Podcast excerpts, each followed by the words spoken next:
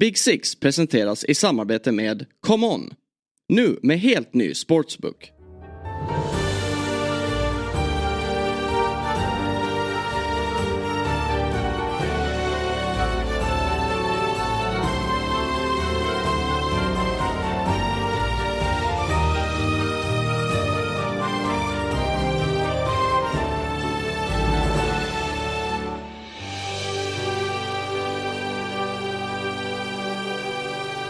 Då hälsar vi hjärtligt välkomna till Big Six. Det är dags för ett måndagsavsnitt. Jag heter Jesper Hoffman och jag sitter här såklart med Björn Jonsson.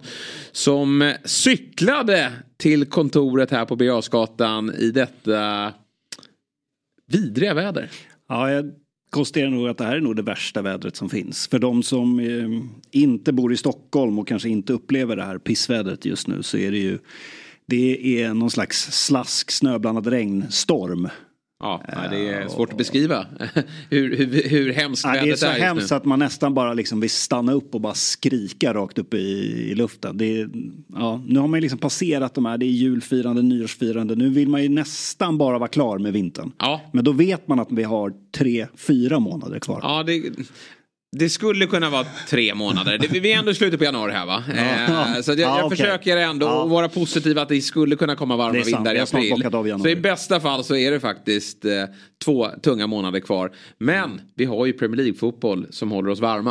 Eh, även om det till helgen då är fa Cup-fotboll. Men jag tycker ändå fa Cup-fotbollen... Eh, Och att den här helgen inte, precis som helgen innan, inte bjöd på jättemånga matcher. nej, Men nu kommer det ju en, en midweek eh, och, och lite sånt. Så att, Yes. eh, det, det, eh, apropå Premier League-spelare. eh, Du såg bilderna på Tanga Ndombele va? ja, I jag gjorde Galatasaray. det. Det, det såg ut som att det var någon som skrev det. Om ni inte har sett bilderna på honom så kan ni ju söka på det. Mm.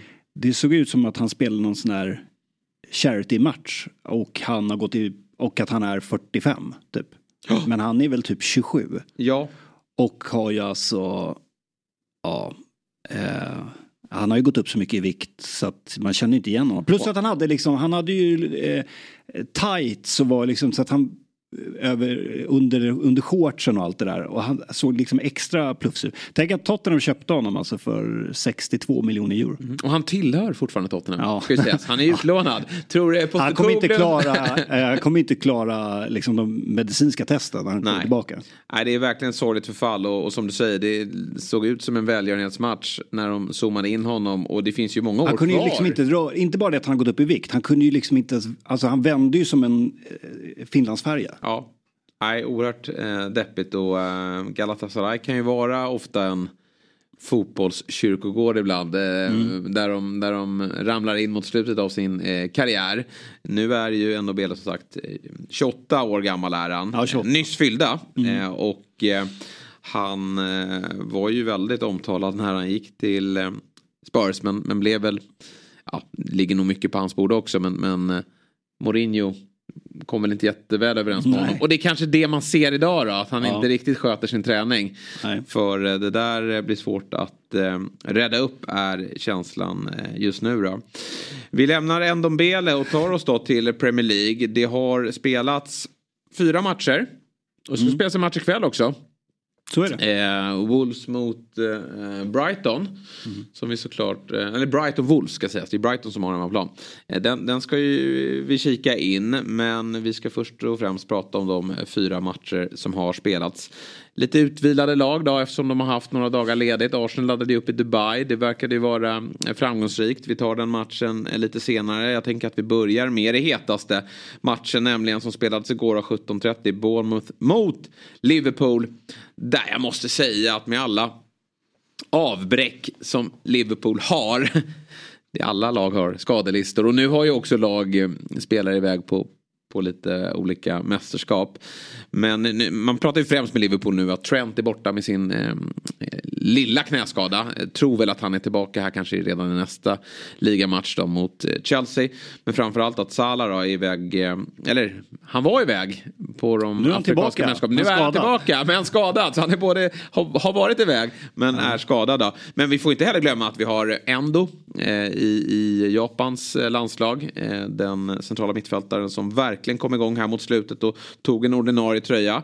Vi har Robertson som har varit borta ett tag och sen även i Soboslaj eh, out också. Så Liverpool har en ganska diger skadelista. Och, ja, precis. Men- du, nämnde du Robertson också? Robertson ja, nämnde jag, ja. eh, han har varit borta ett tag. Och, och ersättaren till honom heter ju egentligen Tsimikas. Han är också. Mm. Så det är eh, väldigt lång skadelista och frånvarolista i, i Liverpool. Ändå åker man och möter, jag ska inte säga att det är längre ligans formstarkaste lag. De var väl det innan de torskade här mot Spurs eh, ganska nyligen i, i ligan. Men Bournemouth har varit på gång. De har också, hade några avbräck i den här matchen. Men att åka dit efter, det var lite trög start också, tyckte jag. Det var lite sömnig matchinledning, inte så hög, högt tempo. Eh, Känslan var att båda lagen hade kommit från, Första från halvlek hade väl inte en målchans? Nej men det var så. Och båda lagen hade kommit från varsin semester och, och de hade inte kommit igång. Och, så där har man ju sett Liverpool, framförallt i fjol hade de ju svårt i den typen av matcher. I år har de ju varit bra men då fick man, man började redan skissa på, på lite på rubrikerna att ja, i frånvaron av framförallt Salah och Trent då, så, så saknas det kreativitet och att man inte Eh, kommer upp i den här nivån som man har varit nu. Vi har lärt känna Liverpool under ja, hela det här året egentligen. Men sen tog man tag i det mot slutet av första halvlek och framförallt den andra halvleken. Och att vinna då med 4-0 med de här borta och sättet de gör det på. Jag är mäkta imponerad av, av Liverpool. Det är något stort på gång. Det är ju det och äh, att göra det på bortaplan även om det är Premier Leagues näst minsta arena. Den tar vi bara, eh, tar bara 11, 11 000 eh, Vitality Stadium. Något sånt där. Men, men, eh, men eh, att ändå göra det på bortaplan och, och eh, att också ha lite den där pressen efter första halvlek. Att så här, okej, nå- eh, hur ska det gå det här då? Men eh, jag tycker även i första halvlek att de lyckas, de spelar sig ur Bournemouths press ganska bra. Och när de gör det så var det också som att Bournemouth, det var liksom deras plan. Vi pressar dem, men om de spelar sig ur det, då var det bara kaos i, i, i, i Bournemouth. Och just det här att eh, avsaknaden av Trent och eh, Salah som tillsammans är de bästa offensiva vapnen de har.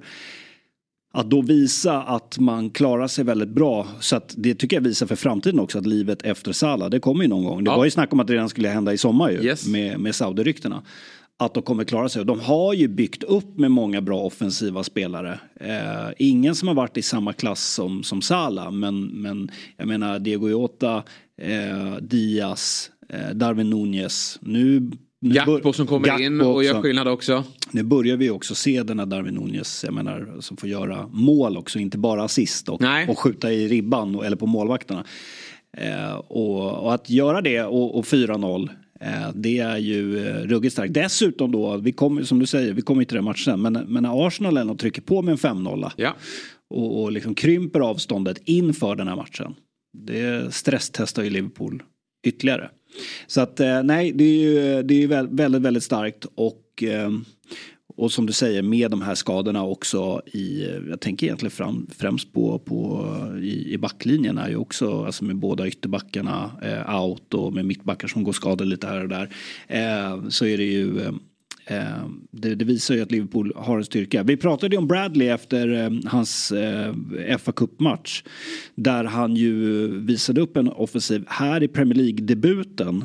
Jag tycker ju att han gör det liksom. Nu får han ju en assist mot slutet ju, Men jag tycker att han gör det helt okej. Men det var ju inte, jag förväntade mig det kanske lite, lite mer. Det blir ju också så här, man går i Trent Alexander-Arnolds skugga på något sätt. Och så förväntar man sig att här kommer en frejdig ung spelare ska vara likadan. Han hade lite problem med positionsspelet även försvarsmässigt.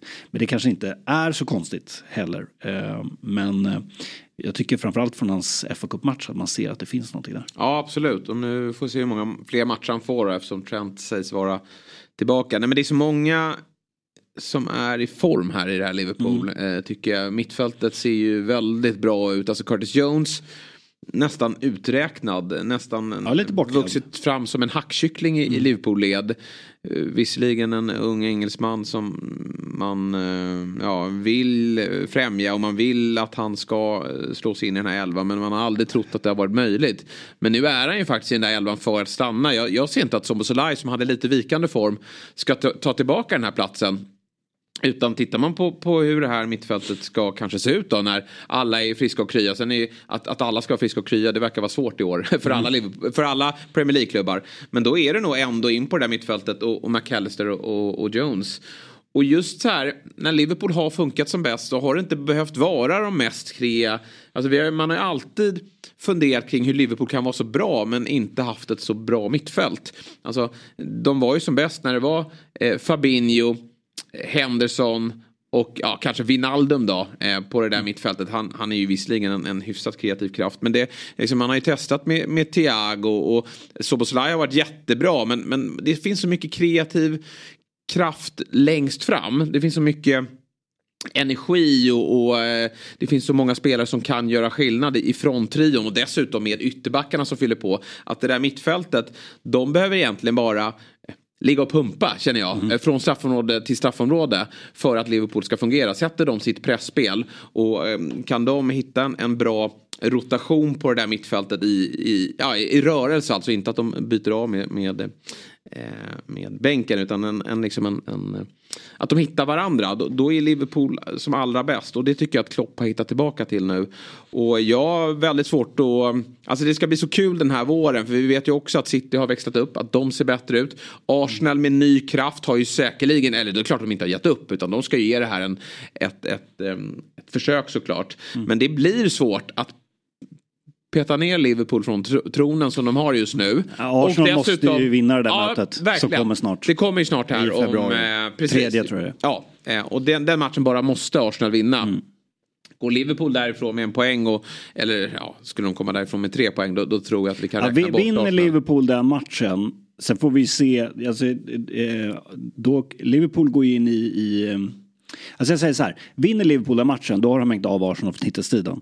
Eh, för det är inte så många matcher däremellan heller. Liverpool ska ju bara spela en Premier League-match innan, innan det. För de spelar ligacup eh, eh, retur och sen ska de möta Norwich i FA-cupen. Sen ska de möta Chelsea. Sen är det ju Arsenal. Yes. Eh, så att eh, jag vågar nog säga att de de kan hänga av. Sen är det klart att torska Liverpool mot eh, Chelsea och Arsenal vinner sin nästa match. Då är det ju inte Då är det så. ett annat läge, Men, men... men- Mm. det, jag menar det är fem poäng nu. Eh, så att, eh, ja. Men Liverpool har ju haft, hade ju fjol problem med den här typen av motståndare från den nedre halvan. Nu, nu ska ju sägas att Bournemouth, de, de ställer inte någon buss här eh, utan de, de kliver ju högt och, och det passar ju Liverpool ganska bra här nu när de är så i, i god form och, och, och så pass spelskickliga och så många spelare som kan göra skillnad. Så det, ja, alltså, det är klart att Bournemouth är ändå rätt, det är deras fotboll. De, de ehm, har fått framgång med det tidigare här nu eh, under ja, men senhösten. Och det är inget man, man ändrar på. Men det blev ju väldigt enkelt för Liverpool då när de kom igång eh, och, och knackade sig förbi pressen. Och då vinner de den här matchen med, med ganska stor marginal. Men eh, vi, vi, eh, vi får se här nu när Liverpool då tar sig an Chelsea i nästa match. För man har ju fortfarande ingen seger mot Big Six. Det pratade vi om i förra eh, programmet. Att De har inte en seger mot Big Six-motstånd i år. Men jag har ju väldigt svårt att se detta Liverpool. Och ändå leder de serien. Ja, det är leder sjukt. serien. Att jag är väldigt svårt att se detta Liverpool tappa poäng mot, eh, mot Chelsea nästa match. Så det, det, det kommer nog bli ett trendbrott det är lite konstigt, det är en sån anomali. Man brukar ju prata om att för bottenlagen så är det ju de här, du måste vinna matcherna mot dina bottenkonkurrenter. Och samma sak för att vara topplag, då måste du kunna slå topplagen. Liverpool visar ju att det går ju faktiskt att, du behöver inte slå topplagen. Kan, Nej. eh, men det, det som är grejen är att de har inte förlorat heller så många. De har, de har Nej. kryssat väldigt mycket. Så det, det, det, Och det är inget lag som har stuckit iväg i den här tabellen heller. Utan det har varit mycket, många kryss i den här tabellen. Sen är det också så här Big Six, vad är det i år? Alltså, eh, Aston Villa är ju ett lag och har man bra statistik mot dem, vilket Liverpool ja, slog dem. precis. Det, Och, och, eh, där spelar ju inte storleken på klubb eh, Nej, det gör ju faktiskt inte det. Men det är klart att det finns en extra laddning Ja. när det är den här typen av match. Och, och det finns en, en respekt mellan lagen. Men jag är helt övertygad om att Liverpool kommer börja ta tre poängare här under, under våren. David Nunez har vi nämnt. Det var ju många som vill, eller många, men, men man ser ju att efter matchen igår, om man följer sociala medier, så var det ju många som ville lyfta fram eh, Nunez säsong i år. Eh, han har ju alltså gjort eh, 7 plus 8 i ligan och 10 plus 10 i alla cuper. Men jag, jag vill hålla mig ändå till ligan. Vad han gör mot Lask och, och i, i ligacupen, det, det, det lägger jag inte särskilt stor vikt vid. Men 7 plus 8 är, är starka siffror. Och för att återigen repetera eh, sig då, så är det ju som så att vi har ju eh, alltid sett eh, Nunez eh, vilken nytta han gör för Liverpool. Eh, det, det är ju, eh, det spelar ingen roll att han eh, ibland, eller väldigt ofta då, inte petar in bollen. Utan han bidrar alltid med hårt slit och, och mm. rycker isär motstånd och ser till så att andra matchvinnare kliver fram och avgör. Men för att vi ska prata om honom i, i världsklass Eh, om han ska upp på någon världsklassnivå. Då är det ju faktiskt som så att bollarna måste petas in. Och, för mig förändras ingenting för att han gör två mål mot Bournemouth. Men kanske att det här var starten då på att det, det, det lossnar för honom framför mål. För när han också gör mål, ja, men då pratar vi om en spelare så, mycket, så bra som han är ute i spelet och att han även får eh, peta in två kassar. Ja, men då är det ju absolut toppklass. Absolut. Det som är grejen med, alltså 7 plus 8 är ju bra. Det, det som är grejen, och det kan nog alla vara överens om, det är att han ska ju ha typ 12 plus 8. Ja. Alltså han, det är ju många, många bra lägen han har, han har bränt. Mm. Eh, men, eh, men som du säger, han är ju med sin, med sin fysik och teknik eh, så är han ju alltså, potentiellt monster ja, där framme. Absolut. Eh, och eh, det ska bli, jag tror att nu nu måste ju självförtroendet ändå vara eh, väldigt, väldigt bra. Så det blir intressant att se vad, vad vi får se mer av Darwin Nunes nu. När, vi, när det kommer också, som du säger då, eh, okej, okay, du, gör, eh, du gör mål mot Bournemouth. Nu, eh, nu kommer två, en, en ligacup och, och FA-cup, men sen väntar Chelsea och Arsenal. Och fortfarande inget där. poäng mot Big Six-lagen när det kommer till Nunez. Nej. Så det är ju de mindre matcherna. Vi hyllade Isak för att han mm. har gjort skillnad mot större, eller skillnad, de har i och för sig förlorat de matcherna. Ja. Men han är ändå, det är imponerande att göra mål mot den typen av motstånd. Ja. Och jag tror att det är nog bara en, en, slump att det har blivit så. Nunez gjorde ju två mål borta mot Newcastle. Han har gjort mål mot Aston Villa. Så att han har ju gjort mål mot topplag. Men det är väl klart att han i de här största matcherna också vill bli matchvinnare. Men jag tycker det är imponerande på så sätt att jag tror att alla i trion där framme, igår var det Diaz, Jota, och Nunez som startade, Gakpo kommer in. Men de känner ju också att nu är Salah borta. Vi, mm, om, om, vi bränner våra lägen så kommer inte han kunna kliva in och, och, och rädda oss här. Utan det är vi som måste eh, se till att eh, eh Liverpool vinner. Och med Jotas två mål och eh, Nunes två mål så eh, kan Klopp eh, vara ganska så trygg och Salah behöver inte rusa tillbaka från den här lite oroväckande muskelskadan då som verkar inte vara allt för allvarlig. Två, tre veckor snackas det om. Ja, precis. Och att han kanske då ska spela en eventuell final i. Ja, precis. Och det är klart, det var... jag fattar att han, jag tror att Liverpool känner ju väl lite så här, okej, okay, ska vi skicka iväg det igen? Men det är klart att spelar Egypten en final och med tanke på vad som hände förra förra året, mm. i, i, eller förra, eh, i, ja det var förra året va, mm. afrikanska, eh, att han förlorar finalen. Så är det klart att han kommer vilja spela den. Absolut. Det är klart att han skickas tillbaka då. Men det var ju också så här att Klopp han eh, citerades på så sätt att han, han sa att nej men vi tar tillbaka Salah nu och om han är frisk till finalen och finalen spelas väl där typ 10 februari, 11 februari. 11, där, 11 februari. Mm. Och det är ju en bit dit. Eh, mm. Om han är frisk då. Så det, det är lite oro i, Liverpool-led. Man vet inte hur eh, allvarlig den här skadan är. Det ska inte röra sig om, om 68 veckor. Utan det, det, är väl en, som du är inne på, 2-3 veckor då. Men han lär ju missa Arsenal. Ja, det tror jag. Chelsea och Arsenal kommer att missa. Mm. Men just nu känner nog inte Liverpool att det är någon katastrof då eftersom uh, det finns andra här som, som kliver fram. Mm. Ja, starkt av uh, Liverpool i alla fall. Bättra på målskillnad och har alltså bara en förlust i ligan i år. Det var några Spurs-supportrar som blev irriterade på oss att vi pratade om den förlusten som att uh, det var bara ett domarmisstag. Men det, det, var ju, det, det, var ju lite med glimten i ögat. Det var glimten i ögat och de har ju helt rätt i att domarmisstag kan, kan ju faktiskt ske. Ja, ja. så det, det var ju inga konstigheter så.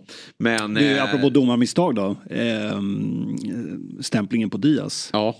ja. Att de inte ens kollar. Nej.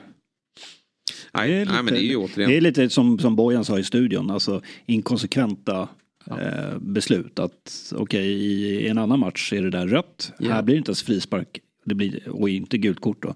Eh, det blir ingenting.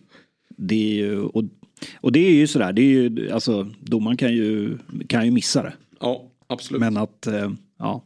Nej, man blir Sen är vi, jag vet, han går ju på bollen där men, men alltså du vet, på stödjebenet där kan ju sluta riktigt, riktigt Ja, jag tror han skulle bytas ut efter det men ja. uh, han höll sig på, uh, på banan och det är väl Diaz som är kallast av dem där. Samtidigt mm. vet vi vad han bidrar med även när han inte gör poäng. Ja. Så att de behöver ju faktiskt honom där ute och, och uh, det blir inte lika mycket press på honom när Jota och, och Nunez är så pass heta som de är då.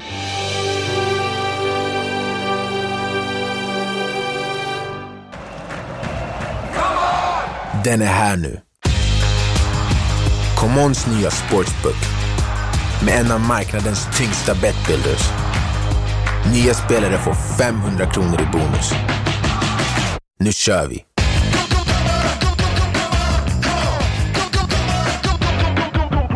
plus. Regler och villkor gäller. Ett poddtips från Podplay. I fallen jag aldrig glömmer djupdyker Hasse Aro i arbetet bakom några av Sveriges mest uppseendeväckande brottsutredningar går vi in med hemlig telefonavlyssning och, och då upplever vi att vi får en total förändring av hans beteende. Vad är det som händer nu? Vem är det som läcker? Och så säger han att jag är kriminell, jag har varit kriminell i hela mitt liv men att mörda ett barn, där går min gräns. Nya säsongen av Fallen jag aldrig glömmer på Podplay.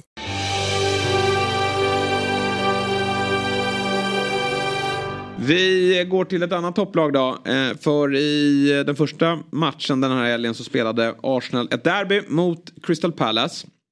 Och eh, förutsättningarna inför den här matchen, nu har ju Arsenal haft lite ledigt. De har varit i Dubai och laddat upp. Jag läste att Saka sa att det var en välbehövlig paus från allt matchande som de har haft. Och att de fick andas ut lite. Jag frågade väl om de kunde åka till Dubai igen nu ja. efter segern. Ja exakt. Det är där de får ladda upp. De får vara där i veckan nu då. Mm. De, eh, har ju en sponsor som skulle kunna ja, köra, köra fram och tillbaka. Men eh, Arsenal hade ju faktiskt inte eh, lyckats göra mål på sina två tidigare hemmamatcher. Det var ju 0-2 mot eh, Liverpool då. I FA-cupen. Och sen hade vi ju även West Ham där. Så det, man undrade vilken, vilket Arsenal skulle dyka upp här. Men det blev ju eh, proppen ur här då. Eh, 5-0. Det är inte ofta Crystal Palace faller igenom så. De brukar faktiskt hålla eh, siffrorna nere. Men eh, stora siffror blev det. Och måste vara väldigt skönt för Arsenal att eh, känna att de är tillbaka på vinnarspåret och får in bollen i mål. Ja, verkligen. Det är ju lite som Liverpool-caset här. Ehm, här är en hemmamatch och det är inte så många för topplagen. Det är inte så många 5-0 matcher på hemmaplan man får. Ehm, jag vet att Arsenal har ju slagit Sheffield United med, med 5-0 tidigare. Men att få den på hemmaplan också efter att det varit lite lite skakigt ehm, och lite minikris om man så vill. Sen tycker jag precis lite som eh, för Liverpools match, första halvlek, de får ju två, två hörnmål här av, av Gabriel, även om Gabriel inte då, det blir självmål det andra målet, men, men är där uppe och knoppar in på, på fasta situationer. Så skapar de inte särskilt mycket i första halvlek heller. Jag tycker att det var ganska trögt mm, eh, i, i, i första 45. Och sen, alltså om jag ska vara lite elak mot Arsenal så är det kanske inte en riktig 5-0 match eh, heller. Sen rinner det iväg eh, med de sista sekunderna så kommer Martinelli in. Men oj vad skönt för Martinelli. Ja. Apropå vi pratade Darwin Nunez och Martinelli har inte haft en... Eh, han har ju inte i närheten av Darwin Nunez siffror. Eh, men att han får komma in och, och göra eh, två mål är ju, är ju så viktigt. Eh, och, eh, men det var lite så här, vi pratade ju om Arsenal att det här uppehållet som de fick, det kom ju verkligen i rätt tid. Mm. Att de får en timeout och, och kunna liksom samla truppen och, och, och gnugga, och åka iväg, eh, må bra och eh, liksom lämna London tror jag också var bra för dem. Att eh, lämna all bass kring dem eh, på ett negativt sätt då. Och, och eh, få liksom eh, Eh, samla ihop sig. Eh, och ganska man pratar ju om Crystal Palace lite generellt att det, det kan vara en tuff motståndare och sådär kanske mer på bortaplan då. Men, men det här i läget Crystal Palace är ju den formen de är så var det tacksamt motstånd eh, eh, för dem. Så att eh, jätteviktigt för, för Arsenal att ja, men, komma igång. Ja, verkligen och att få igång Martinelli. De behöver en målskytt. Både Saka och Jesus hade ju sina eh, lägen här men, men fick inte in bollen. Men då kliver Martinelli in. Och det som är eh, intressant med Martinelli det är ju att eh, han har ju varit i en ganska han bidrar ju alltid sitt spel och han är ju nyttig för, för Arteta. Det är väldigt sällan Art, Arteta ställer Martinelli åt sidan och det, då har han ju faktiskt alternativ. Trossard får ju den här starten, mm. kliver in och gör ett väldigt vackert mål. Vilket avslut. Mm. Han visar på nytt hur, ja, hur dödlig han, han är. Just avslut så är han ju alltså högsta, högsta klass. Ja, men jag tror Martinelli bidrar med liksom, i sin rörelse, sin, sin fart och, och sitt pressspel med, med saker som Trossard inte riktigt erbjuder som gör att Arteta vill spela honom. Men om vi tittar på fjolårssäsongen så är det ganska mycket som påminner om vad som hände med Martinelli.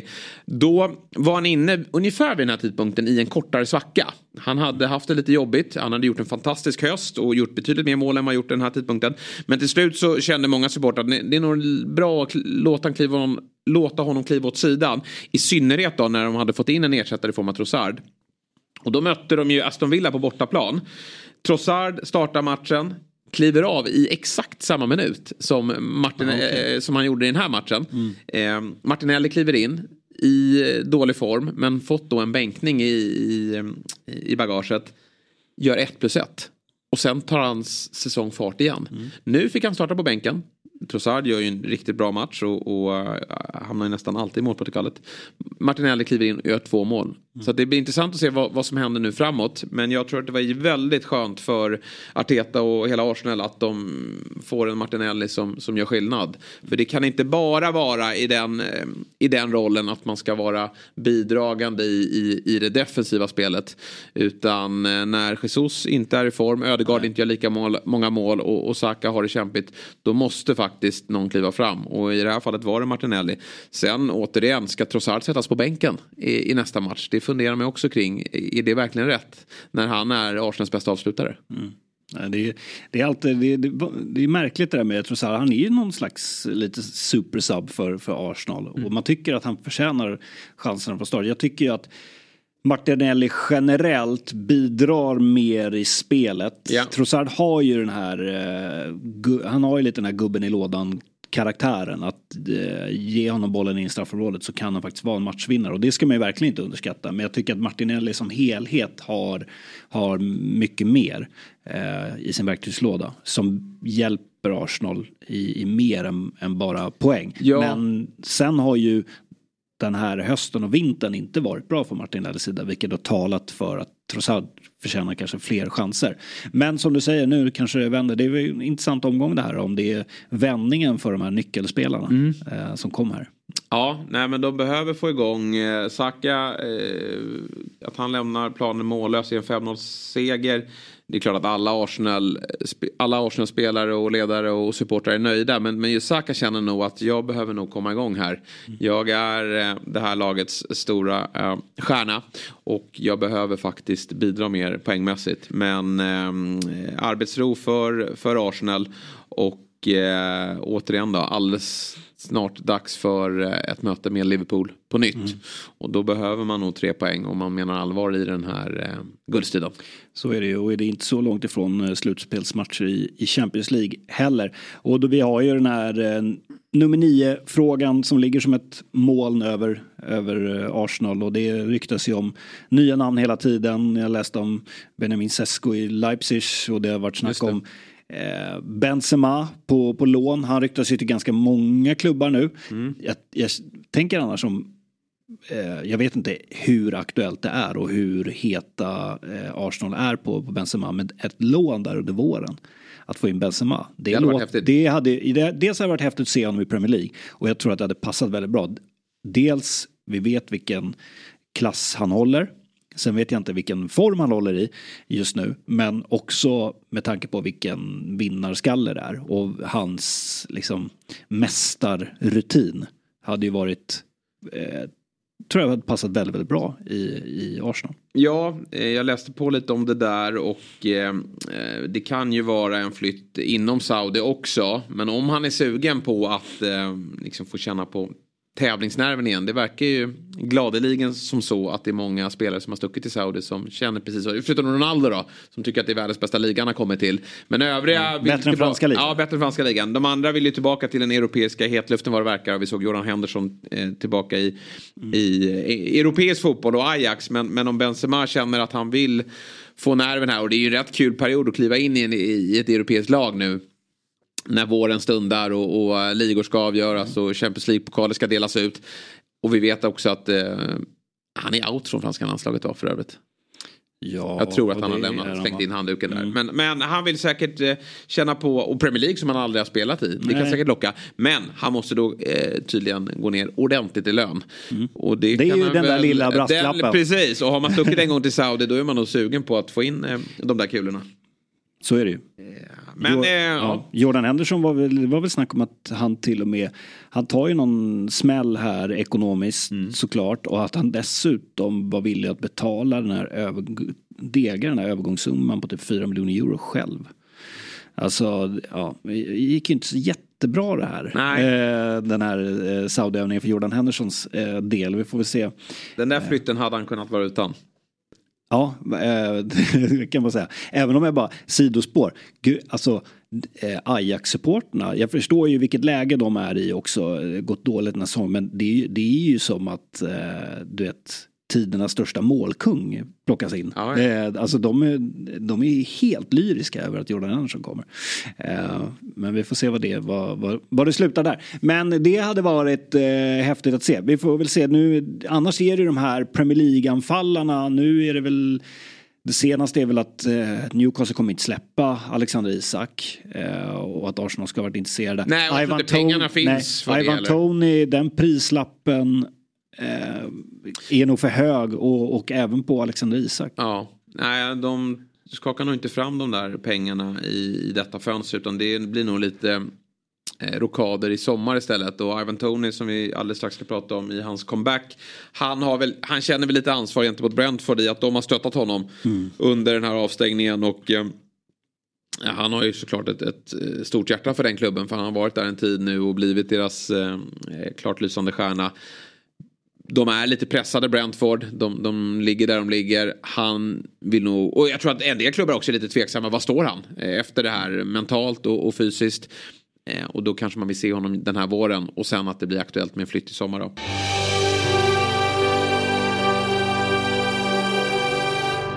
Det är måndag igen, vilket betyder att vi har en trippel att presentera tillsammans med ComeOn som precis lanserat en ny sportsbook med riktigt grymma odds. Och här sitter vi som vinnare idag, eh, Sabir. Du vann i helgen. Ja, det gjorde vi. Det gjorde vi. Arsenal gjorde jobbet och eh, Brentford och Nottingham gjorde eh, jäkligt många mål. Så den satt. Så jäkla gött. Och vi tar därför nya tag. med Ja. en trippel denna gång då. Ja, en trippel, en måndagstrippel. Vi fortsätter på det vinnande spåret tycker jag. Och vi börjar i Premier League. Eh, dagens enda Premier League-match mellan Brighton och Wolverhampton. Tycker båda sett ganska bra ut på slutet eh, och eh, speciellt Wolverhampton. Så jag tror att det kan bli ett mål i vardera bur. Eh, båda lagen gör mål där. Sen ska vi inte långt bort. Vi ska till Championship och det är Leicester Ipswich. Det är en toppmatch där. Och där tror jag att det kan bli mycket hörnor. Över 8,5 hörnor. Sen har vi ju Finale della Finale, Supercupfinalen i Italien. Som inte spelas i Italien, den spelas i Saudi. Men det är Napoli-Inter. Och där tror jag också att båda lagen gör mål. Och eh, har boostat den till fem gånger smeten. Och det tackar vi för. Det gör vi verkligen. Eh, och spelet finns som vanligt på common.com under fliken experterna. Kom ihåg att du som spelar måste vara minst 18 år, spela ansvarsfullt och har du eller någon i din närhet problem så finns stödlinjen.se. Vi säger tack till Common som är med och möjliggör detta avsnitt.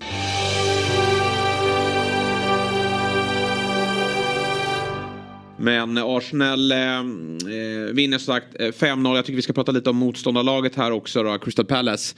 Som är en klubb som har det ganska kämpigt eh, just nu. Och eh, banderoller på läktarna. Där framförallt det, det diskuteras ju att Hodgson är på väg bort. Och, och där lär det väl hända saker. Eh, om, man, om man får tro, eh, om man får eh, lyssna till engelska tabloider då, att det kommer att eh, ske en förändring. Det är några namn som eh, diskuteras in. Men framförallt så ger man sig på ordförande då, Steve Parish. Eh, och jag förstår verkligen frustrationen i supporterled. Crystal Palace har ju stått och stampat så otroligt länge nu som klubb. Sällan indragna i någon form av bottenstrid. Men aldrig är man ju med och nosar på eh, topp 10 positioner. Utan det är en tionde till fjortonde plats som Crystal Palace alltid eh, landar in på. Och eh, man kanske inte ska vara så mycket bättre om man ser till spelartrupp. Men det här är ju en klubb med potential. En, god ak- akademi, det är ett Londonlag och det har ändå eh, spenderats en hel del pengar. Men eh, det händer ju ingenting rent Nej, och de sitter ju på ändå en del fina offensiva eh, spelare. Och vi pratade om det lite inför här. Att Crystal Palace skulle ju kunna vara en klubb som ungefär eh, Brighton. Som med en, en eh, spännande tränare och med lite satsning skulle kunna locka till sig en hel del spelare och med bra, med bra scouting. Eh, också kunna vara en sån här klubb som tar lite av de här Big Six rejectsarna och liksom lyfter fram och får fart på deras karriärer. Men nu är ju känslan att nu är det ingen som vill gå till Crystal Palace. För vem vill, vem vill spela den där fotbollen? Och eh, som du säger, det, vart, vart, vilken väg ska Crystal Palace gå? Alltså när de hade Roy Hodgson säsong från 2017 till 2021. Då hade poängsnitt på 1,22. Sen tog de in Patrik Vira som väl skulle stå för någonting nytt och något annat. Men då blev man ju livrädda för att ja, poängsnittet var ju likadant, 1,22. Och då tog man in Roy Hodgson igen för att rädda kontraktet och säkra. Och det gjorde man ju. Och då, för, då lät man ju Roy Hodgson fortsätta. Och nu är poängsnittet på 1,23. Så man, precis som du säger, man står ju bara och stampar. Mm. Eh, och jag, jag förstår också eh, supporternas frustration. Och det borde vara en klubb som som är lite mer attraktiv. De har ju, eh, de har ju till och med liksom en ultrasgrupp. De har rätt bra tryck mm. på, på Sellers Park. Och, eh, som du säger en Londonklubb. Det här ska vara, det här, det här är en klubb med potential. Ja men det är verkligen, det finns eh, utrymme för att eh, göra det bättre sportsligt. Och, och, som du säger det här med att man går tillbaka till gamla spelare. Eh, kollade upp lite rolig statistik här. Eh, Crystal Palace senaste 15 åren har gått runt på tre högerbackar. Ja, det är otroligt. Det är faktiskt rätt eh, sensationellt. Man började ju för 15 år sedan då med Klein, Nathan Klein, mm. som sen ju värvades till Liverpool. Eh, då Eh, klev ju Joel Ward in eh, som eh, högerback. Han är, funkar ju som mittback. Joel Ward som för övrigt är kvar i, i klubben och, och mm. också spelar på, på flera olika eh, positioner. Sen fick man fram en ung talang i, i form av Van Bissaka som tog den där högerbacksplatsen. Han såldes till Manchester United. Då klev Ward ut igen. Mm. Sen är Klein tillbaka. Ward fick eh, hoppa till bänken och ibland agera mittback och ibland eh, eh alternera med, med Klein. Sen eh, kommer Klein tillbaka. Mm. Eh, och eh, nu eh, pratas det om nästa steg på högerbacken. Det är ju att Wan-Bissaka ska hitta tillbaka ytterligare. Ja. Så det, det, är en, en rullians, en, en, en rullians mellan de här tre backarna. Som jag någonstans, för det är ju inte så att Wan-Bissaka vore ju fin att få tillbaka. Men det är inte så att Klein och Ward är några fantastiska högerbackar. Men det känns bara som att man, man eh, lite slöa. Mm. Och, och, att eh, det behövs in lite nytt blod eh, i ledningsgruppen. Och därför så tror jag att man ger sig på, sig, ger, ger sig på sin gamla hjälte Roy Hodgson från supporterled. Utan snarare fokusera på att ledningen behöver... Han sa ju det själv att han fick ju frågor om de här banderollerna. Han sa jag förstår, jag förstår verkligen eh, frustrationen. Ja. Och jag, jag, läste något annat att alltså Roy Hodgson eh, började träna eh, fotbollslag sex år innan Arteta föddes. Ja. Eh, och det säger ju ganska mycket. Alltså han är 76 år och det här är ingenting mot Roy Hodgson. Han har haft en fantastisk karriär. Och jag vet till exempel Jonas Olsson har ju lyft fram honom som den bästa tränaren han har haft och han beskrivs ju som en gentleman och, och intellektuell och verkar vara väldigt varm och härlig och, och kommer in och räddar många lag eh, med sin tydliga fotboll. Eh, men jag menar, det är ju dags för Crystal Palace att liksom kapa banden här nu och, och satsa på, på någonting annat. Eh, jag menar låt Roy gå i pension. Ja, Roy måste få, Jag såg att någon lyfte fram honom som framtida svensk förbundskapten. Ja. på tal om framtid. Eh, det, är, ja, alltså, det är väl det absolut vassaste namnet vi skulle kunna få. Men kanske att det är som du säger att eh, Roy borde gå Problemet i pension är ju då klausuren, han måste vinna den där Nations League-gruppen. Just det. Har han det i sig? Ja, eh, men, men ja, eh, vi, ehm, eh, alltså tittar man till tabelläget då så får ju Palace se upp lite grann då.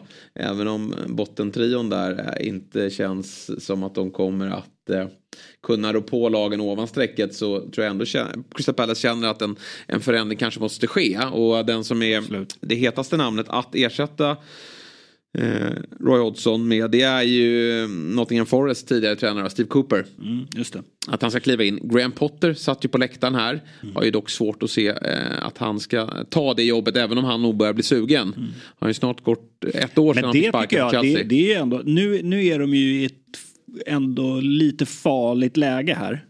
Uh, för vi vet Potters fotboll, det är liksom en ganska stor omställning och yeah. det kräver sin tid.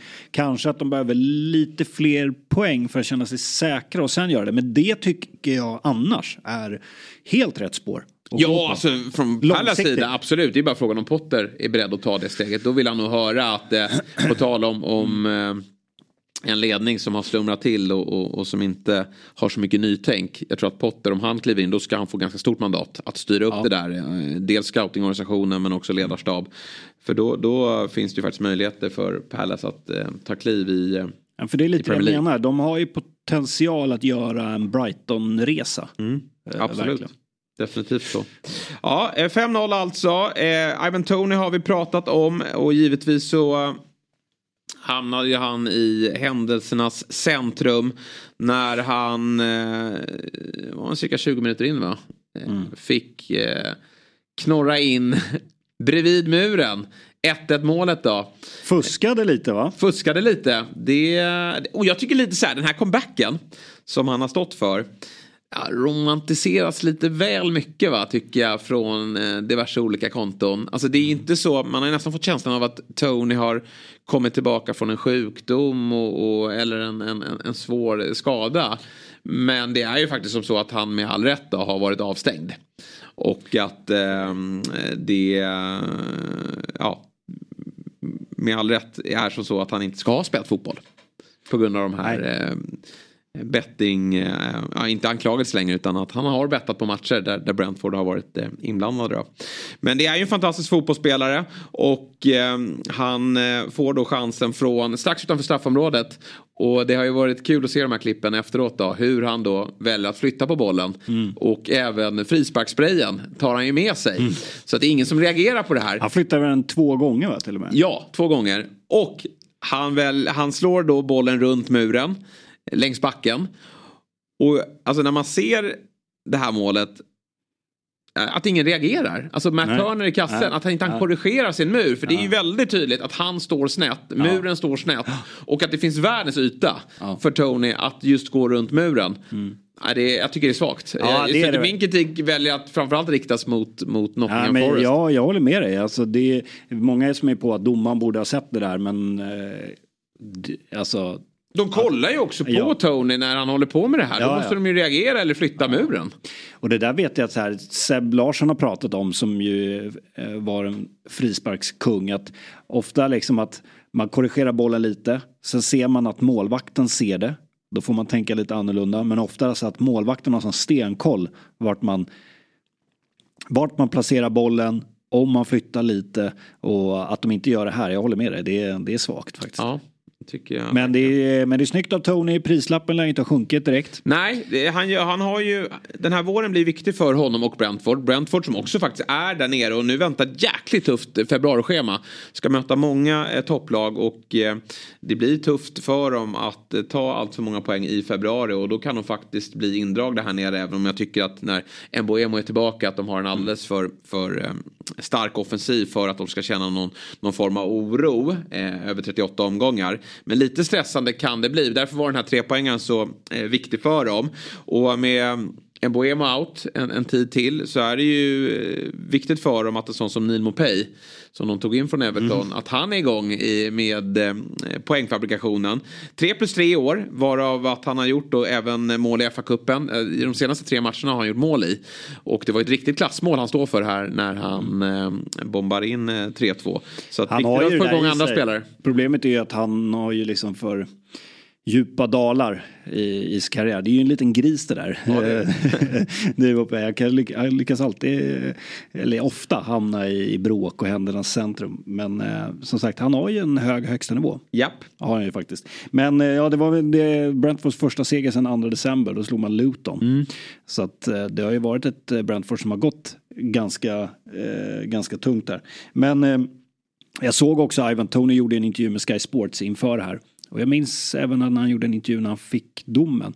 Man märker ju på honom att han har ju ganska, han har ju ganska svårt att prata om de här, hans bettingproblem, att han har ett spelmissbruk. Han vill liksom inte ta de orden i munnen och när reportern liksom trycker på hur har det varit för dig som person. Han vill liksom återgå till det sportsliga.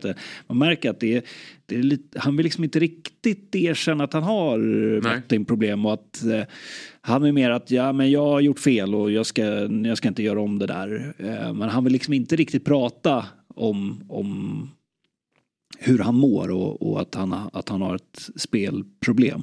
Eh, så att eh, får vi se hur, hur, eh, hur framtiden blir här för, för Ivan Tony och även om det är liksom ett missbruk så tror jag ändå att klubbar är så cyniska att de ändå har det i beaktning också mm. när, man, när man värvar. Om man värvar ja. en sån här spelare. Absolut. Men han visar ju eh, vilken eh, klassspelare han är. 20 mål gjorde han förra säsongen, något sånt där va? Ja. I, eh, i ligan. Och, och att, att göra det i Brentford, att inte göra det i en toppklubb. Är ju, är ju väldigt starkt. Absolut. Men lite som vi pratade om innan. Jag vet inte, nu är det inte så långt kvar av det här vinterfönstret. sen kan det alltid hända grejer på, på deadline day men jag vet ja, det ska ju upp 700-800 miljoner tror jag om man ska ja, lösa exakt. honom. Och det, känns som att alla klubbar slåss lite med att det måste lämna spelare först då. Innan man kan ta mm. in nytt och det brukar inte vara den typen av rullians i januari. Ibland kan det hända men, men jag tror inte vi kommer få se och jag någon menar, Visst det är ju mycket pengar eh, för vilken klubb som helst. Men med tanke på Brentford är ju inte, jag, jag, tror inte Brentford åker ut. Men de är ju inte helt safe. Nej eller? de är inte det. Alltså så att det är ändå bara sex poäng eh, ner. Eh, sälja då en sån guldklimp. Det tror inte jag Brentford är så sugna på. Utan då ska det vara ett bud som är alldeles för bra för att säga nej till. Och det tror inte jag att någon toppklubb lägger. Nej. Under vinterfönstret. Det är också svårt att tro det. Om man tittar då på eh, vad de har nu här i Premier League. Då är det alltså eh, Tottenham borta nästa match. Sen är det City på hemmaplan. Wolves borta. Liverpool hemma, City borta igen då. Det är ju en hängmatch, en uppskjuten match som, som spelas. Och sen även West Ham borta och West Ham ligger på en sjätteplats i, i Premier League. Eh, Chelsea, Arsenal. Alltså det är ju bara, förutom Wolves då, bortsett från Wolves, mm. så är det ju bara topp 6-lag. Eh, ja, inte Chelsea då, men, men eh, jobbigt schema för Brentford. Och sen har ju de varit bra på det historiskt sett. Sen de klev upp i Premier League har de ju varit imponerande i den typen av matcher. Det är lite annat läge nu. De är lite ja. mer, förut när de har mött de här, sen de kom upp och mötte de här lagen, det var ju liksom, eh, så har de ju eh, det var väl premiär mot Arsenal va? När de slog dem i, när de gick upp va? Jajamän. Och, och, och eh, slog United förra säsongen, början på säsongen. Då är det lite där det är början på säsongen, det är ingen press på Brentford. Sen har de gjort det bra, de har legat på säker mark. Då är det ganska tacksamt, de har ingenting att förlora när de möter de här storklubbarna. Och sen har de ju sett att spela, att de spelar ganska rak fotboll, stabila defensivt och kan kontra. Mm. Som också passar. Men just att det här mentala, det har inte varit någon press. Nu kommer det ändå vara press på dem. Utifrån att eh, det är klart att de inte kommer vara, de kommer fortfarande vara underdogs. Men sett till tabelläget så är ju ändå lite press på dem. Absolut. Så det är lite annat utgångsläge nu när de möter de här. Man har ju agerat också i fönstret här. Man fick ju Rico Henry skadad under hösten. Väldigt viktig för dem ute till vänster i deras omställningsspel. Mm. Han blir borta resten av säsongen och då har man tagit in Reguilon, eh, Spurs eh, ytterback som, som flänger runt. Och kanske äntligen att han har hittat rätt nivå för han ska inte vara i något topplag. Han är inte tillräckligt bra för det. Jag Nej, han inte, att han det. har haft klubbadresser som Real Madrid, ja. Eh, Manchester United och Tottenham. Det är inte, går inte hand i hand med eh, hur han spelar sin fotboll. Men nu är han i Brentford, hoppade in i den här matchen mm. och jag är rätt säker på ändå att han kommer ta den där vänsterbacksplatsen. Och då känner, eller eh, wingbackplatsen. Och då tror jag att Brentford kommer ändå att eh, Eh, gå i mål på tillräckligt många poäng. Och återigen då, när de får en Boemo med Tony där uppe, mm. då blir de faktiskt farliga. Det är lite som eh, Langley. Nu i och för sig han i Aston Villa, de ligger ju eh, fyra. Mm. Men, men han har ju alltså varit i eh, Sevilla, Barcelona framförallt och, och, eh, och sådär. Och ja, eh, också känns lite som en mini-bluff. Ja, definitivt så.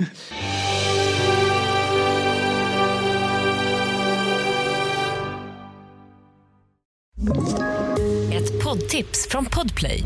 I fallen jag aldrig glömmer djupdyker Hasse Aro i arbetet bakom några av Sveriges mest uppseendeväckande brottsutredningar Går vi in med hemlig telefonavlyssning och, och då upplever vi att vi får en total förändring av hans beteende. Vad är det som händer nu? Vem är det som läcker?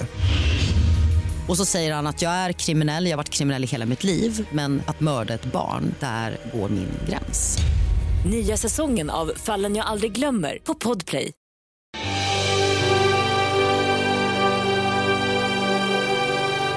Du, Sheffield United West Ham behöver väl inte stanna till vid allt för länge. Men jag bara, efter att ha sett den här matchen så funderar jag kring hur West Ham kan ligga sexa i Premier League. Det är ju dåligt fotbollslag alltså. Nu, nu har ju de Mm. många... De, har, de har alla nyckelspelare. Ska, Absolut. Bowen kunde ju spela den här matchen. Kom ju till spel och, och att man ska Men man behöva såg att han starta med Danny. Ings som dock gör en Ja. bra match. Men, Danny Ings har man nästan glömt bort. Ja, man har helt glömt bort honom.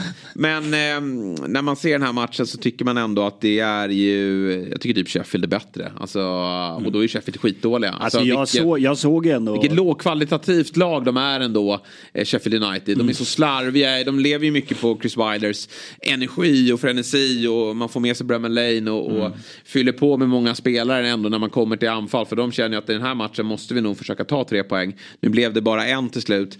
Men att West Ham ändå som är ett topplag inte kan vara bättre än en sån här match. Det, det är svagt. Och jag har väldigt svårt att se, eh, även när West Ham får tillbaka spelare, och det ryktas faktiskt om, om, om flera spelare in, Calvin Phillips, även eh, Leverkusens stjärnanfallare eh, Victor Boniface.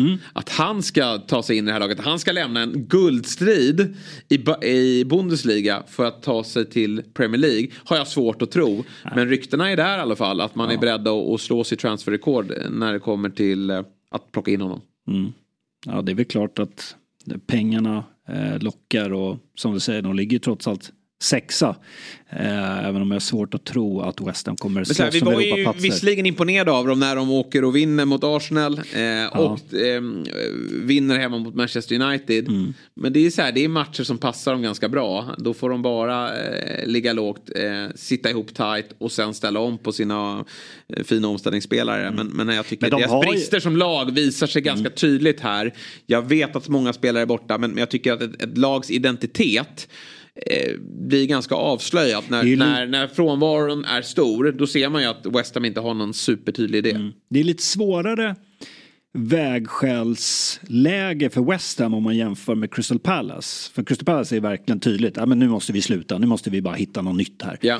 För West Hams del tror jag att många, vi har pratat om det tidigare, många supportrar upplever jag känner nog lite samma sak. För det finns ju, nu sitter ju de på skadelistan eller, eller landslagslistan, men Kudos, Paquetá, Antonio, Alvarez eh, eh, och, och Bowen då. Eh, alltså det är ju fina spelare som nästan jag tycker förtjänar en annan typ av fotboll. Ja, jag tror tycker också det. Det går att göra mycket mer med men, det här laget. Men samtidigt, de ligger sexa, de har vunnit Conference League, de, de är eh, ett Europalag. Eh, så det, det blir lite sådär... Men de, Ja, de, pappret samtidigt föll de igenom fullständigt i Premier League i fjol. Det var ju den här Nej, ja, segern i ju Conference att, League. eh, Annars hade ju få- rykt. Ja, ja verkligen. Eh, och det var ju snack om att trots att de tog den titeln skulle han få, få lämna. Och nu är han ju kvar och titt- ser man på pappret så är det ju svårt att argumentera för att de ska göra en förändring nu. Och det tror jag ju inte att de gör, men kanske till, till sommaren att, eh, att det händer något. Men jag, jag såg faktiskt inför, utan att det låter lite malle här nu, att jag såg ett poängtapp ko- komma här ändå. Ja. Även om nu blev det i sista, sista sekund här. Eh, och med de här tappen och som du säger när West Ham kanske ska förväntas föra matchen och är favoriter då är det lite tuffare läge för dem. Men just alltså de här... Mm. Nej, tung smäll såklart. En två, de har en 2-1 ledning när de kommer till övertid. Att ta ledningen två gånger. Tar ledningen två gånger. De ska nog ha en straff, eller de ska ha en straff till där när eh, och Ahmed Hodzic eh, välter ner eh, Bowen. Och, Det är ju snack om att Ahmedhodzic ska lämna också. Ja, Napoli, men de ska ha en kvarts miljard, 250 miljoner för Mm. att släppa honom. Det är tveksamt va, om en sån som, klubb som Napoli är beredd att Ja. ge det. Ehm, och nu väntar ju eh, Bournemouth. Sen är det Manchester United på bortaplan. Och då vinner de ju. Ja, det, ja precis. Och sen, och sen eh, Arsenal, och Arsenal man ju, eh, vet de hur man gör. Ja. Men, men som sagt, då har de ju kanske inte de här nyckelspelarna med sig. Men Kudos, där har de ju en ruggig spelare. Alltså, han gör ju Ja, väldigt bra ifrån sig även här i Afrikanska. Och där har de verkligen prickat rätt. Eh, blir nog svår att behålla skulle jag säga.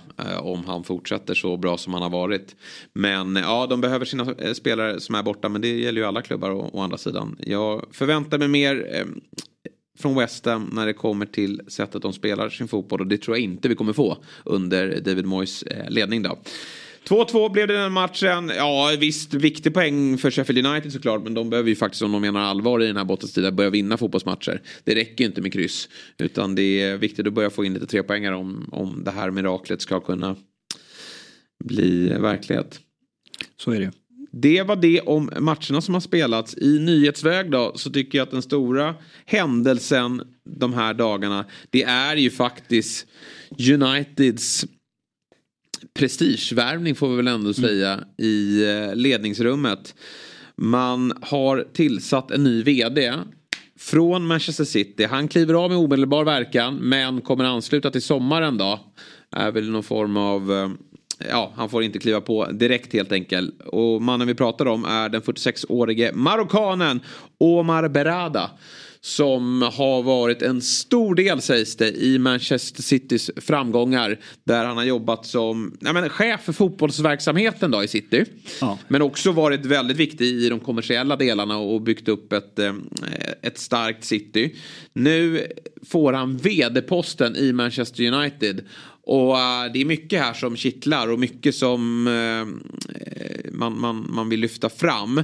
Men att den nya ägaren då, Ineos, kliver in och eh, stärker upp ledningsrummet att börja med. Det tycker jag är helt rätt väg att gå. Ja, då börjar ju rätt eh, ända här. Ja. Det är inte att eh, nu ska vi eh, värva två stjärnor till, till laget och, och eh, ruska om i, i, i truppen Nej. här nu. Eller vi ska byta tränare direkt och eh, satsa på någon interimtränare och så får vi se vart det tar vägen. Utan precis som du säger, du, nu, nu, nu börjar man i, i rätt ände tycker jag. Och eh, det, jag, jag, jag förstår eh, de United-supportrar som lite gnuggar händerna här nu. För att eh, Ja. nu, nu händer det grejer och det här det är ju väldigt intressant i den här staden. Vad, som, vad framtiden kommer utvisa här nu.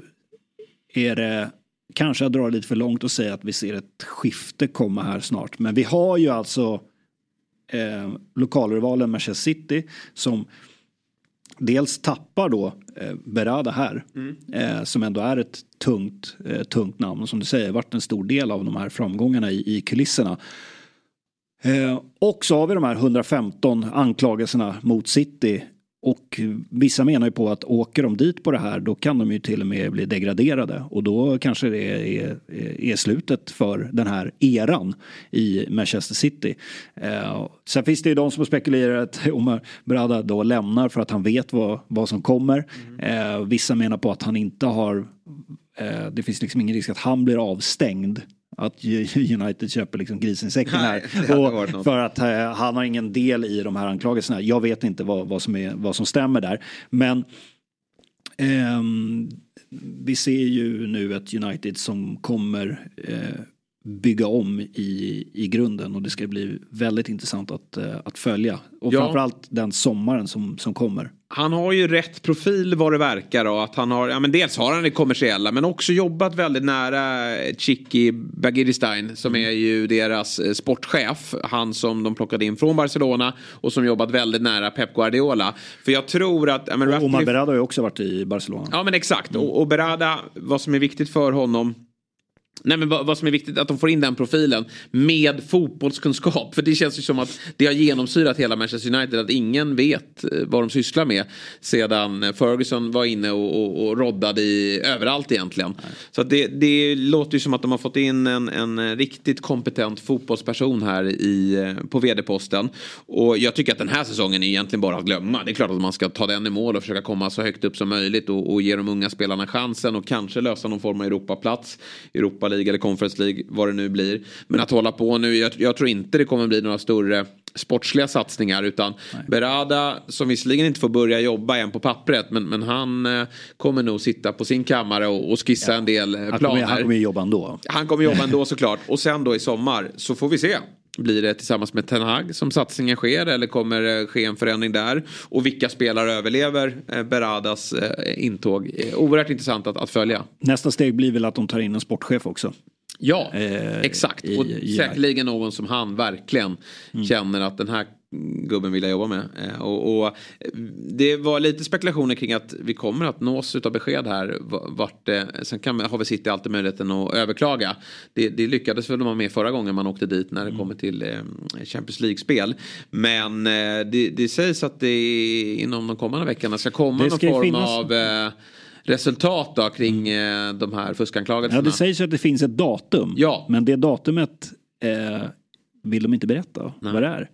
Alltså det är ett stort hemlighetsmakeri. Sen ska ju eh, Citys ägare och representanter varit i möte med eh, Englands idrottsminister. Och där har de inte heller då velat berätta vad, vad, vad som fanns i det protokollet och vad, som, vad det pratades om där. Och där har vi ju det där eh, eh, intressanta när vi har statsägda klubbar. Att det kan ju bli diplomati och, och, och liksom storpolitik av, av det hela. Absolut. Om, om, det, om det börjar skava och om det finns eh, eh, ja, utredningar och misstankar om fusk och allt vad det är. Ja, det är ett oerhört intressant beslut eller en oer- oerhört intressant dom som väntar. Och skulle de eh, skicka ut City här, ja då lär det bli liv i luckan. Och eh, det är alltid tråkigt tycker jag. Alltså, är det tydligt att de har fuskat då är det ju bara att sätta dit dem. Men det är ju deppigt för oss Premier League-älskare att det ska alltid ske under säsong tycker jag. För då kastas ju allting om. Den här typen av eh, beslut borde ju komma mellan säsongerna. Så man vet eh, eh, ja, villkoren för, för fortsättningen helt enkelt.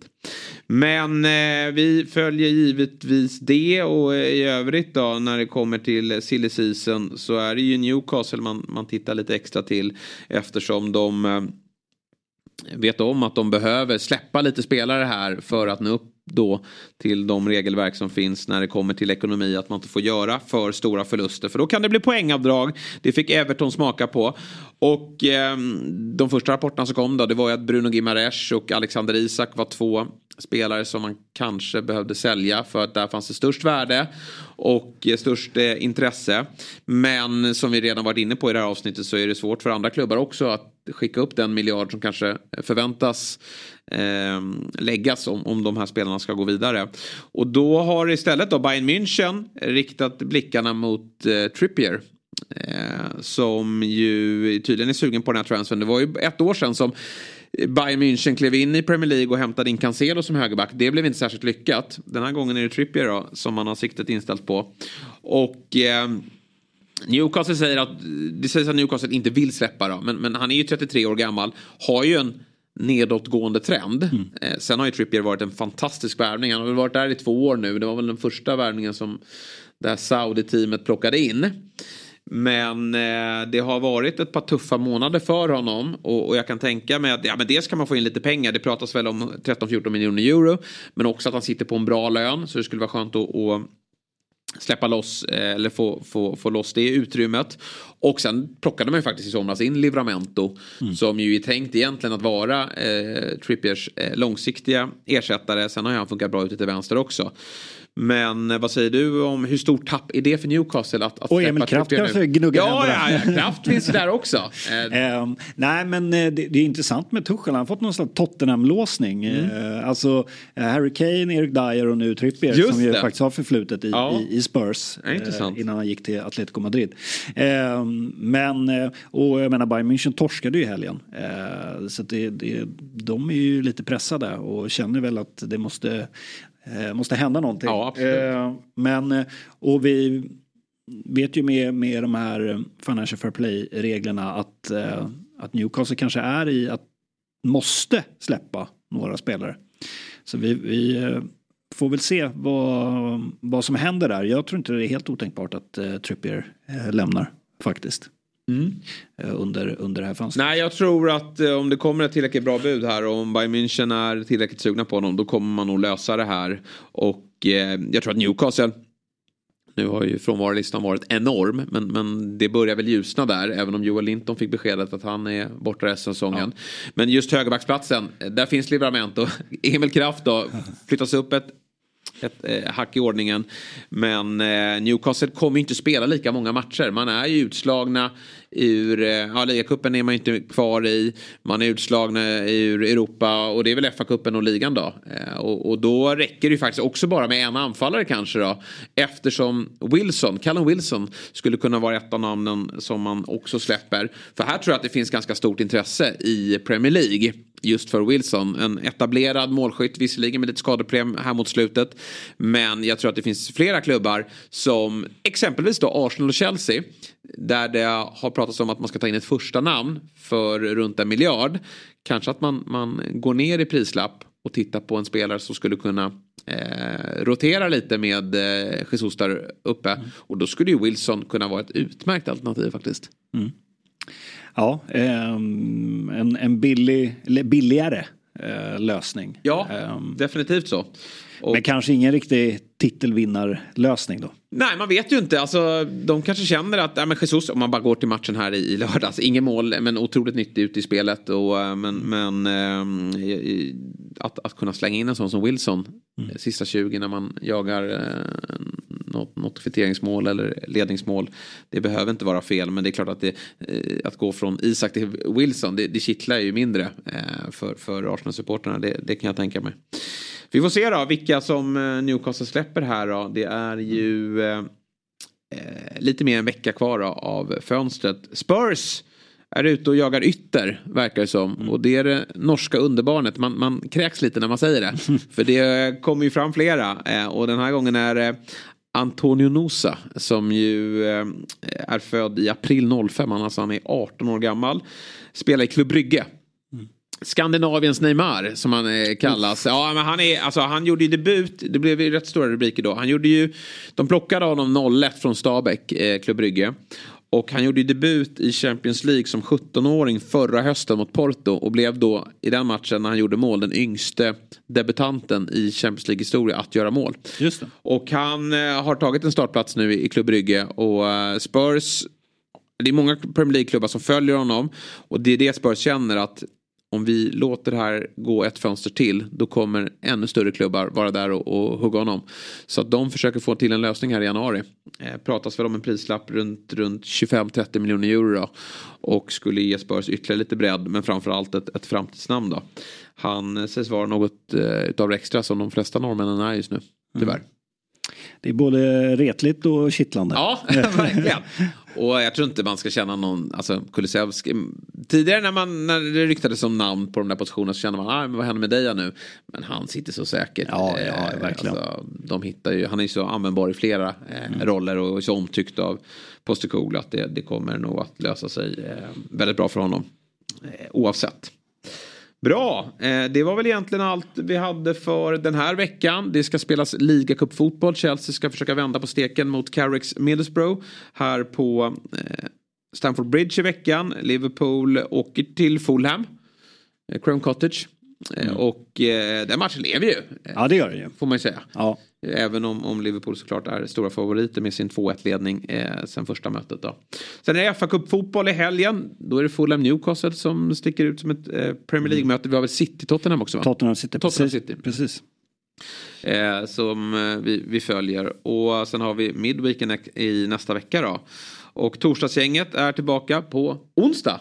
Ja, jag vet Tydligen. Inte, ja, det spelas in onsdag så kanske det släpps torsdag. Mm. Vi får återkomma. Får håll, koll, hålla utkik. håll koll i din poddspelare. Och sen är det midweek. Och sen är det midweek ja. Eh, som väntar i, ja. i, Premier League. Och den får väl du och jag snacka upp då samtidigt som vi tar ner ja. FA-cupen nästa Liverpool, måndag.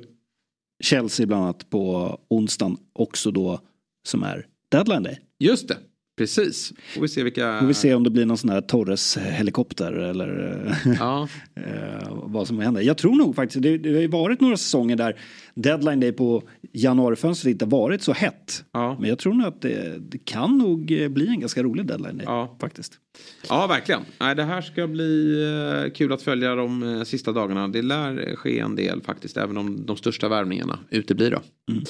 Bra, tack Björn. Tack, tack. Tack till alla er som har lyssnat. Vi är tillbaka senare i veckan.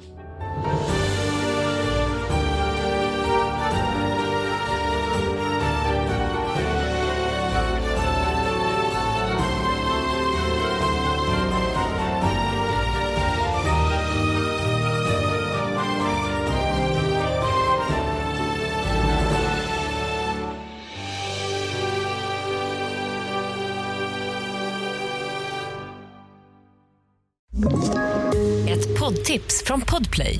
I fallen jag aldrig glömmer djupdyker Hasse Aro i arbetet bakom några av Sveriges mest uppseendeväckande brottsutredningar. Går vi in med hemlig telefonavlyssning och, och då upplever vi att vi får en total förändring av hans beteende. Vad är det som händer nu? Vem är det som läcker? Och så säger han att jag är kriminell, jag har varit kriminell i hela mitt liv men att mörda ett barn, där går min gräns. Nya säsongen av Fallen jag aldrig glömmer på Podplay.